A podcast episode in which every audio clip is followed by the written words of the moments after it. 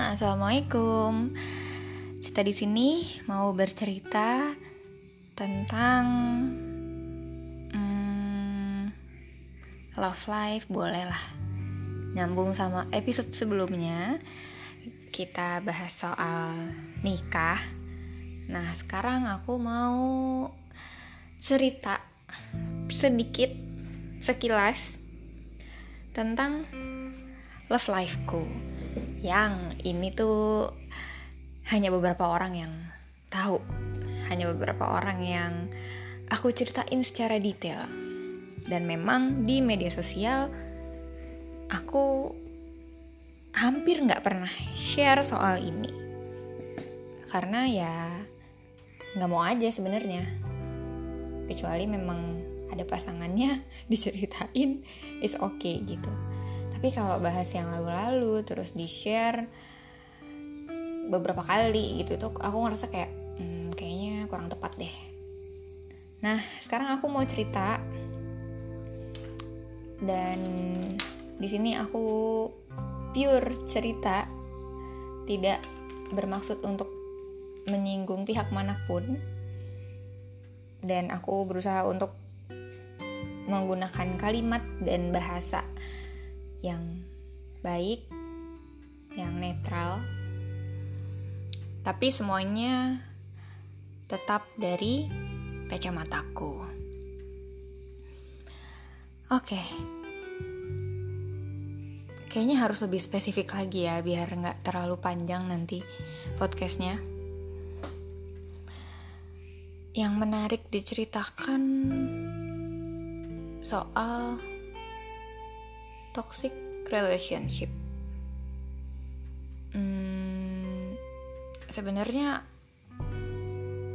toxic di sini subjektif karena itu pendapat dan perasaan aku dan aku tidak meminta pendapat ahli. Jadi kalau misalnya ada yang berpikiran ini bukan toxic, ya nggak apa-apa juga. Karena yang tadi aku bilang subjektif dan itu perasaan aku gitu ya.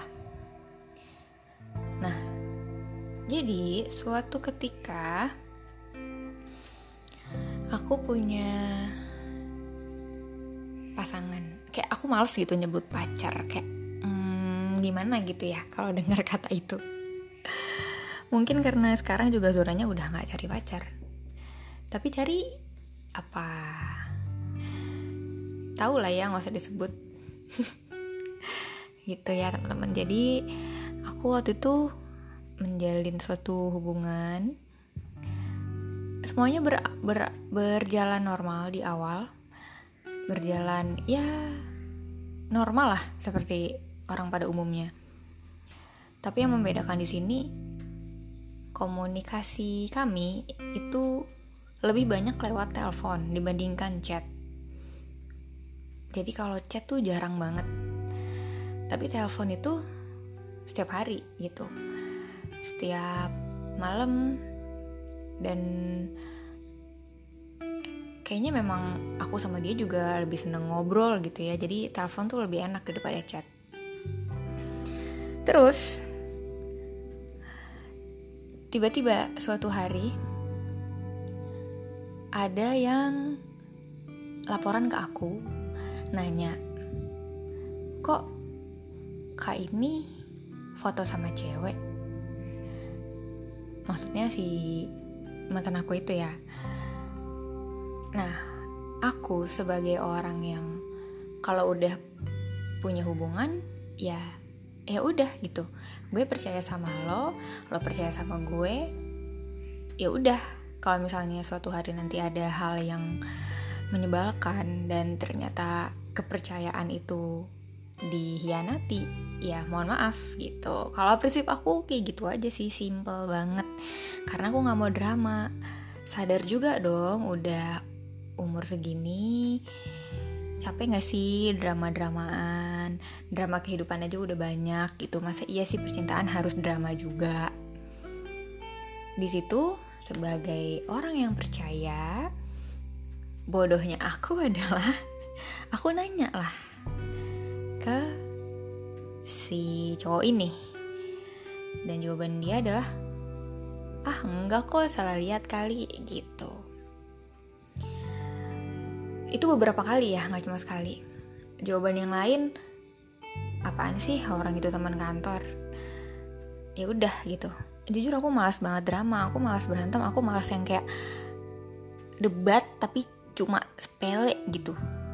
Kayak masih banyak hal lain hal yang lebih penting yang lebih worth it untuk dipikirin daripada kayak gitu. Terus udah tuh ya kan lewat terus suatu hari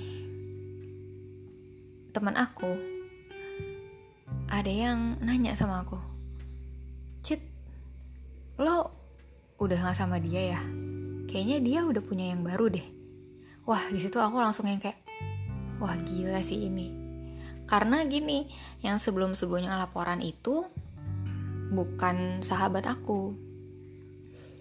Orang yang cukup kenal sama aku tapi bukan sahabat gitu ya. Teman-teman paham lah perbedaannya. Nah ketika sahabat aku yang bilang aku langsung kayak wah gila sih ini. Akhirnya aku mintalah buktinya.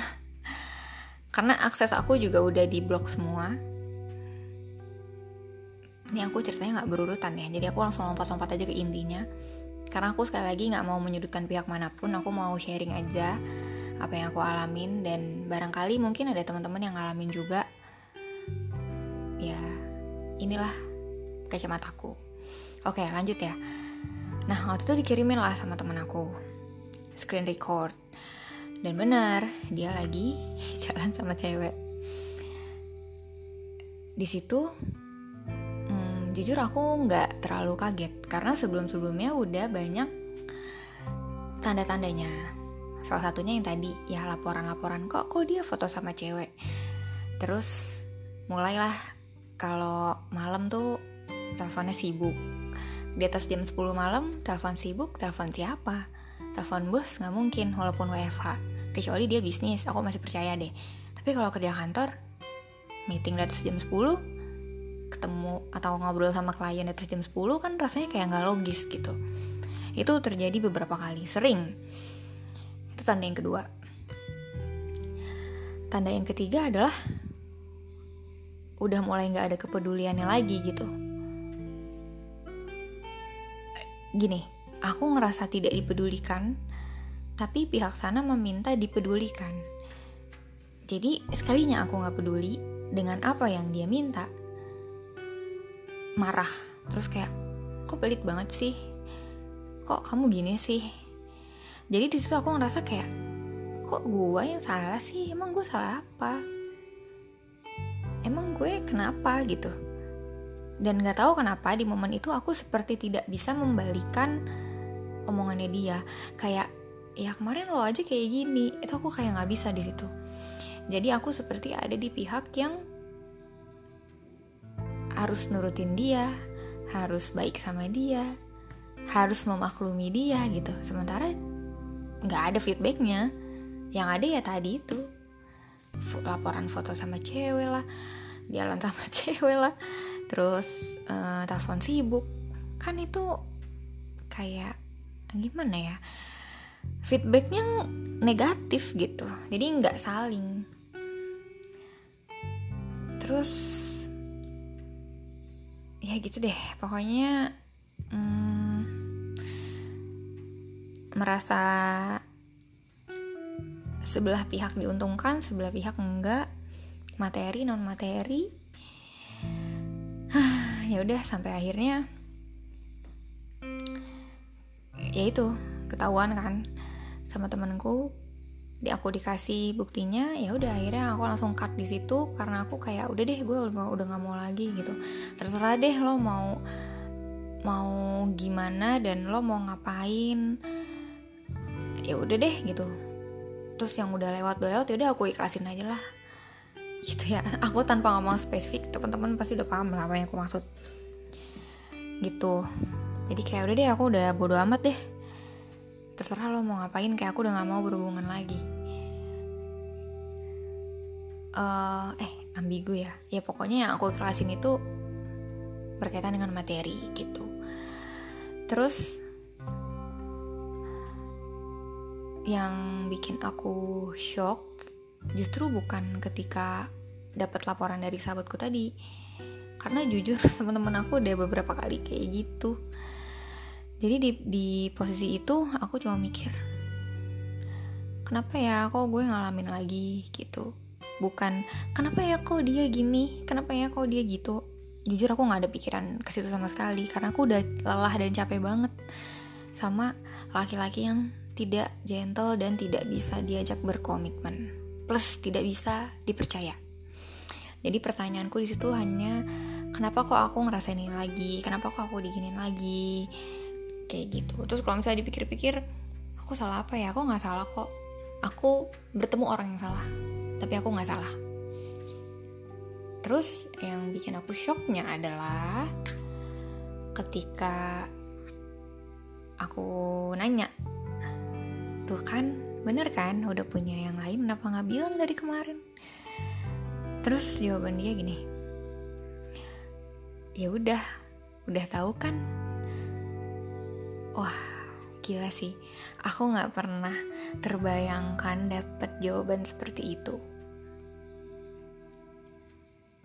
Permintaan maaf pun saat itu enggak. Ngerasa bersalah juga enggak jujur aku bingung banget sih kenapa? Gila ada ya orang kayak gitu. Whoever you are aku udah nggak peduli sih sebenarnya.